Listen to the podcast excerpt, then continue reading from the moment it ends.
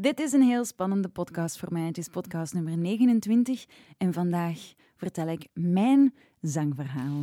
Welkom bij de Sing en Zang Podcast. Een podcast waar je alles leert over correct zingen, tips krijgt en een juiste mindset leert hebben.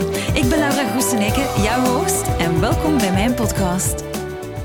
Normaal gezien schrijf ik mijn podcast altijd een beetje uit en dan, uh, ja, weet je, dan volg ik een structuur, maar vandaag heb ik dat niet gedaan en dit zal dus een freewheelie, een freewheel, of hoe noemt je dat, een freewheelie worden. En ik ga, jullie, ik ga jou wat vertellen over mijn zangverhaal. Mijn zangverhaal is heel speciaal, um, omdat ik een heel on... Hoe zeg je dat? Een heel onacademisch parcours heb gevolgd of zo. Ja. Um, dus waar begint het? Waar begint het? Um, het zit zo dat ik wel als um, vijfjarige kreeg ik al van nee, wacht, ik ga beginnen bij mijn drie. Ik was drie jaar. ik was drie jaar en ik stond al met de stekker van het grasmachine, de verlengdraad, de knalgele verlengdraad. En daar zat zo een verdikking op voor waar je die stekker moest insteken. En ik stond al met die stekker op het verhoogde terras van mijn ouders en ik was daar aan het zingen als driejarige. Mijn vader heeft daar beelden van genomen. Dat zat blijkbaar al altijd in mij. Ik was een performer in, um, ja, puur zang zeker of zo. Dat zat al in mijn bloed of in mijn DNA. Maar ik weet dat ik altijd optredentjes gaf voor een imaginair publiek.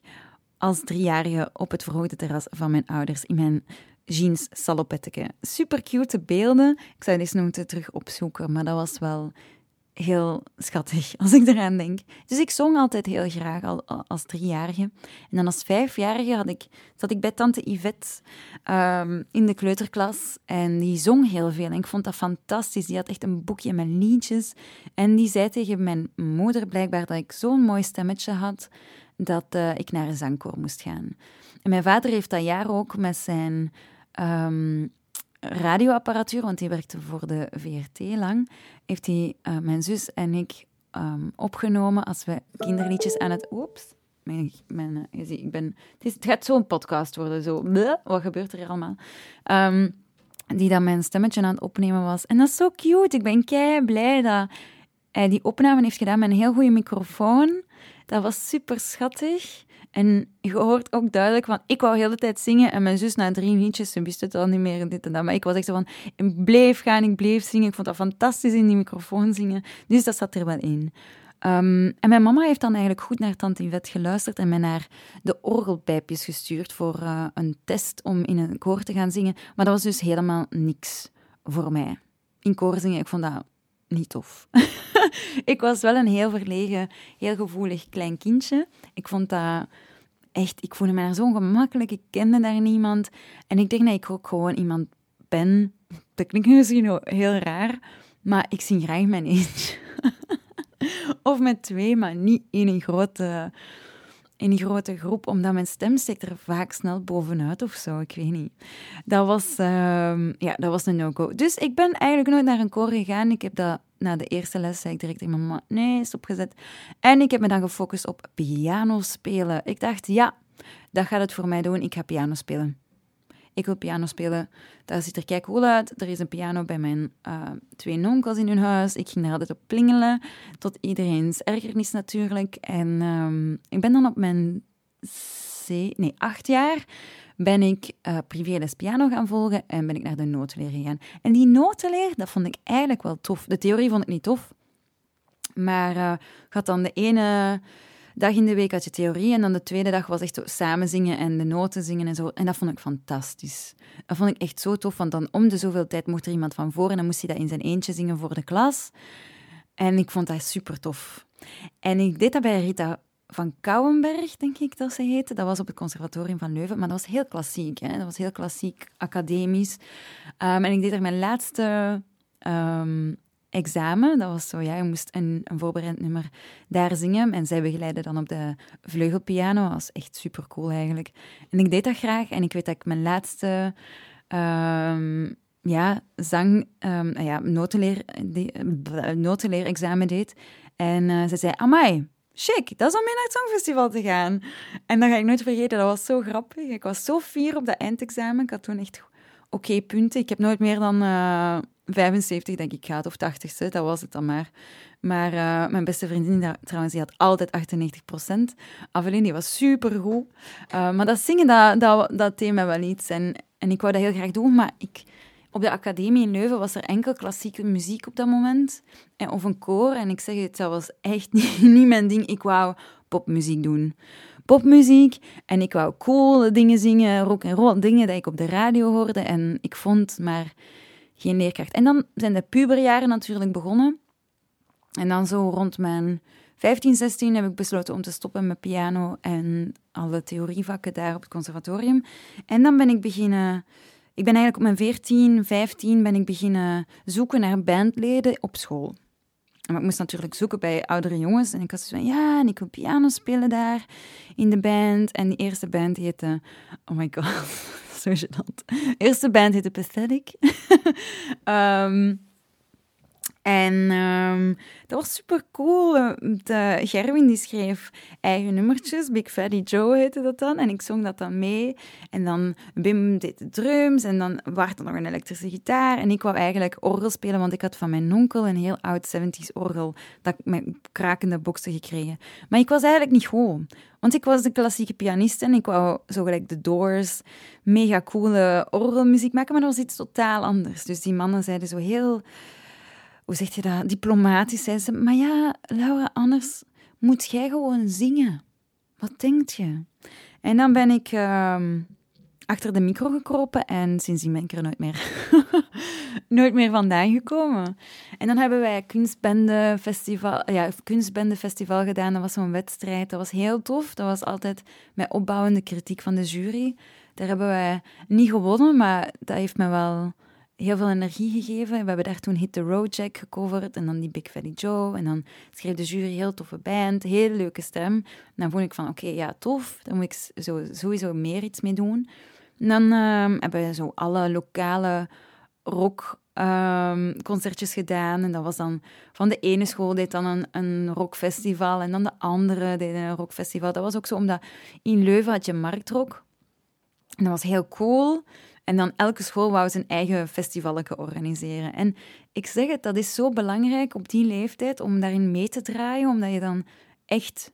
Ik zeg tegen mensen, ik ben begonnen op de bierbak in Leuven. Hè. Ik ben echt letterlijk op, op een klein podium begonnen van HHH-rock en HDC-rock en um, Harry-rock en, en wat was het... Um, uh, dat, wat was dat van zaak? Oh, maakt niet uit.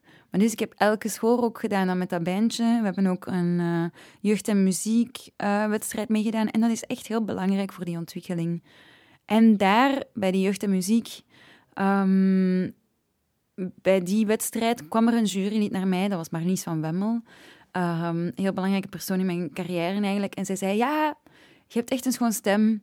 Je moet zangles volgen. En ik dacht van, wat zegt hij nu? Ik heb een schoon stem en daarom moet ik zangles volgen. Zangles is toch voor mensen die dat niet kunnen zingen? dat is echt wat ik dacht. Dus ik had superveel... Ik had echt zo... Ja, ik dacht klassieke zangles. Oh, en dat vormt je stem. En mensen zeggen dat ik een mooie stem heb. Dus waarom zou ik zangles gaan volgen? Want dan ga ik mijn stem veranderen en gaan mensen dat niet meer mooi vinden. Dat was letterlijk wat er in mij omging. Dat was mijn redenering. Nu natuurlijk is dat ja, ik heb daar een heel ander beeld over. Hè? Maar toen dacht ik dat echt. En dan heeft zij met mij, dat was wel heel lief, met mij naar Brussel gereden. Naar een uh, zangleerkracht. Maar ik voelde die niet aan. Was zo'n hele dikke meneer achter een, een piano. en dat klikte echt niet goed. Ik had er heel veel stress en schrik van. En dan heb ik zo nog wat zangleerkrachten en zo zangtherapeuten gezocht. Maar ik voelde dat echt niet. Ik weet niet. En dan ben ik beland bij Gunther Maginel, supercoole kerel. Die had opera gestudeerd, allee, klassieke zang gestudeerd. Maar dat was een chillen dude. En dat was ook iemand die, ja, als ik niet had gestudeerd, was geen erg. En ja, die zei, ik ging daar een half uur per week naartoe. Vanaf mijn 15, 16 jaar, zoiets, ja. En ik ben daar eigenlijk bijna tien jaar elke week zo'n half uur naartoe gegaan. En dat ik, soms deed ik echt maanden niks. En dat kon die allemaal niet echt schelen. Maar ik bleef daardoor wel evolueren, omdat ik wel... Ik had die zo graag dat ik bleef gaan. Snap je? Dat was echt... Ja, ik. En ik, ik eh, moest wel, dat was wel toen in de tijd, je had nog geen mp3's of mp4's. En ook zo die YouTube, dat bestond zo nog niet echt. Dus die opwarming moest ik dan zelf aan de piano doen. Ik deed die dus bijna nooit. En ik vind dat achteraf gezien wel heel, heel jammer, want gelijk nu, vandaag de dag... Allee, dat is toch kei cool. Je... Allee, je krijgt de mp3'tjes bijvoorbeeld bij mij mee, zodat je die op je, je kunt die op je gsm zetten. En uh, dat gewoon afspelen en meezingen. Je kunt overal waar dat je bent gewoon oefenen. Zelfs al is het maar in je hoofd. En dat was toen niet. Ik deed dat dan een beetje op de fiets als ik naar daar fietste. En uh, ja, dat was het. Dus ik, heb, ik was niet echt een goede student of zo. Maar dat heeft me wel in de long term wel heel veel bijgebracht. En ik weet, ja, dan ben ik beginnen auditie doen. En dan ben ik bij Bad Circus begonnen, als ik zo ongeveer 17, 18 jaar was. En die mannen waren 10 jaar ouder dan mij. Hebben we elk café in België, daar hebben we gespeeld. Elk café, denk ik. We deden meer dan 50 concerten per jaar, dus dat is elke week deden wij minstens één concert. We hebben ook een tour naar Portugal gedaan. En daar heb ik geleerd hoe dan een bandvibe zo belangrijk is. En ook ja, ik weet het nog, Tim. Dat was de gitarist, maar dat was ook een, uh, dat is ook een uh, soundtechnieker. En um, ja, die, die had ze voor mij elke kabel een tapeje met een kleurtje gegeven. En dan, waar dat die in moest, dan plakte dat tapeje daarboven. Dus ik weet nu heel goed dat ik kabels moet oprollen en hoe dat um, keyboards en zo en die is, hoe dat die allemaal moeten geplukt worden met die kabels, heb ik daar allemaal geleerd. Dat was heel tof. Ik was kabelmeisje op tour. Um, en daar hebben heel veel wedstrijden mee gedaan. Humus Rock Rally, uh, toen heette dat nog uh, Rockfunk, dat is nu soundtrack van Vibe. En daar heb ik zoveel bij geleerd. Ik was echt uh, ja, 18 jaar en die mannen waren 27, 28 jaar. En Snaps schreef toen heel veel nummers. En ik wou toen ook beginnen nummers schrijven, op mijn 18. Ik, ik had al wat nummers geschreven, maar ja, zo kinderliedjes natuurlijk. Ik was al op mijn... Zo op mijn tien jaar was ik al bezig met nummers schrijven en met... Oh, ik wou zo videoclips opnemen en zo. Maar ik had altijd projectjes. Vandaag de dag nog altijd. Hè. Maar kijk, daarom ben ik zelfstandige geworden. Ik vind dat fantastisch. Je kunt altijd je projecten kiezen en van het een naar het andere springen. Um, en dan na bij het circus ben ik beginnen zingen bij Addicted Crew Sound. En Addicted Crew Sound, daar zong eigenlijk Stella Sue vooral mee in het begin. Maar ze begon dan met haar eigen project en ze is dan uit Addicted Crew Sound gestapt. En ik verving haar daar. En dat was zo jazzy dubstep, met jungle, dikke bass en wat was het allemaal. En ik heb dat daar twee, drie jaar gedaan. Uh, maar dan begon ik me daar een beetje te vervelen. En um, dan kreeg ik plots een, um, ja, ja, wacht, Mikey Yes, dan ben ik om de transitie tussen Salasso en dan ik als zangeres te gaan doen. Waren we uitgenodigd bij Studio Brussel, omdat we toen geselecteerd waren voor de Poulains. Dat is nu de nieuwe lichting eigenlijk. En we waren de Poulain van Salasso geworden. En we mochten daar een live uh, opname maken. En dat was heel cool. Toen, want nu is dat helemaal anders, maar toen hadden wij op één avond 20.000 views op dat Studio filmpje. Studio Brussel filmpje. Dat was toen qua... Allee, redelijk viral of zo. Um, en daar ben ik wel heel trots op. Dat was Give It Back, dat we live hadden gezongen. En dat heeft eigenlijk heel veel gedaan voor mij als zangeres. En ik weet dat ik daarna terug naar de zangles ging. En Gunther, mijn zangcoach, die zei tegen mij... Laura, amai, oh my god, je hebt dat keigoed gedaan. Weet je wat je hier supergoed doet? En ik dacht zo, ah ja, een of andere zangtechniek of zo. Uw microfoontechniek is echt on point, niet normaal. En toen dacht ik, oké, okay, microfoon techniek of wat. maar dus, ja, nu laat ik dat nog altijd aan leerlingen zien. Van nature gebruik ik die microfoon echt als een instrument. Met die koptelefoon op mijn hoofd was dat heel duidelijk. En ik, ik, ik zong van ver als het heel luid was en heel dichtbij als ik wat warmer en zo wou klinken. Ik deed dat van nature al. Um, dus ja, ik zeg het, dat, dat was interessant. En dan met IKEA's hebben heel veel concerten gedaan. Echt zo de festivals. We, we spelen altijd als laatste, we sloten zo de festivals af. Um, dat was heel cool. En dan ook Lowlands en zo. Ja, Lowlands, Eurosonic hebben we gedaan. Echt zo de Young Promising festivals. Heb ik allemaal gedaan met die mannen. Dat was heel fijn. Dat was heel rock en roll. Laat het zo stellen. Um, heel veel in Nederland ook gespeeld. Dat was tof. En dan ehm, ja, was ik het beu, ben ik eruit gestapt. En dan belde plots iemand van de VRT mij. En eh, die zei, ja, zeg, we doen een James Bond concert. en we zoeken iemand die Tomorrow Never Dies kan zingen. Want dat is een moeilijk nummer, maar we denken dat jij dat wel kan doen. Dus ik met mijn, um, naar mijn zangleerkracht direct gebeld, naar Gunther. Zeg, ah, ik moet dat zingen voor tv. En hij zei tegen mij, ah, Laura, het is wel hoog, zo. ik weet niet of dat je daaraan gaat kraken. En ik zei, ja, het gaat toch moeten. Maar dat viel juist in uh, de vakantie of zo. En ik heb heel die song helemaal alleen geoefend. Elke dag op mijn kamer. Tomorrow Never Dies. En ik weet nog, mijn mama kwam naar boven op mijn kamer en zei: Laura, zou je dat wel doen? Dat klinkt echt nog niet goed. En ik heb gewoon twee maanden aan een stuk elke dag die song blijven proberen totdat ik aan die ene hoge noot raak, raakte. En ik ben blijven gaan en gaan en gaan en gaan.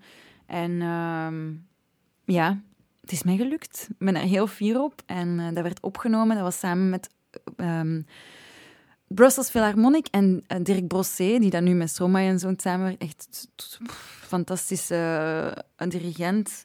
En uh, is zelfs genomineerd geweest voor een Oscar of zo, ik weet het niet. Ja, en echt topgast. En ik stond daar ook als underdog tussen al die grote namen. Jasper, Jasper Steverlink, allee, echt heel wat andere namen. En um, ik heb dat gedaan. Ik was super trots. Het tweede concert heb ik ook gedaan. Heb ik dikke blackout gehad, maar dat was gelukkig niet opgenomen. Kwestie van over chances te spreken.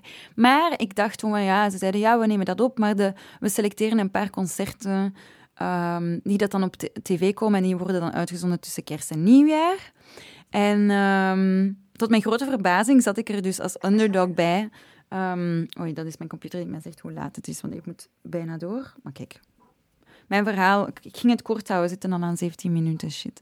Um, en uh, ik werd uitgezonden en ik heb super veel positieve reacties gehad. Eerste keer manager gehad. Um, ik ben heel veel beginnen schrijven, omdat die manager toevallig heel veel contacten had in de publishingwereld. Ben ik in Nederland gaan schrijven enzovoort. En ik ging uh, een eigen album maken. Dat was eigenlijk het idee. Maar dan begon ik ook te werken bij IKEA ondertussen als grafisch vormgever. Want ja, muziek, dat betaalt natuurlijk niet zo goed. Zeker niet als je songs wil gewoon schrijven, schrijven, schrijven. En uh, ik was een jaar aan het werken bij IKEA. Plots word ik opgebeld en ze zoeken een zangeres bij Ozark Henry. Want Ozark Henry is aan het toeren in Italië en zijn andere zangeres die gaat net een film opnemen. Um, dus ze zoeken iemand om die tour mee te doen. Gewoon even tijdelijk. Ik heb dan die auditie gedaan. Dat was echt super cool, die auditie. Dat voelde super goed aan. Die stem van Piet Godard, um, die blende super goed, vond ik met mijn stem. Ik had echt zo van shit, als ik dit niet heb, dan ga ik het wel echt super jammer vinden.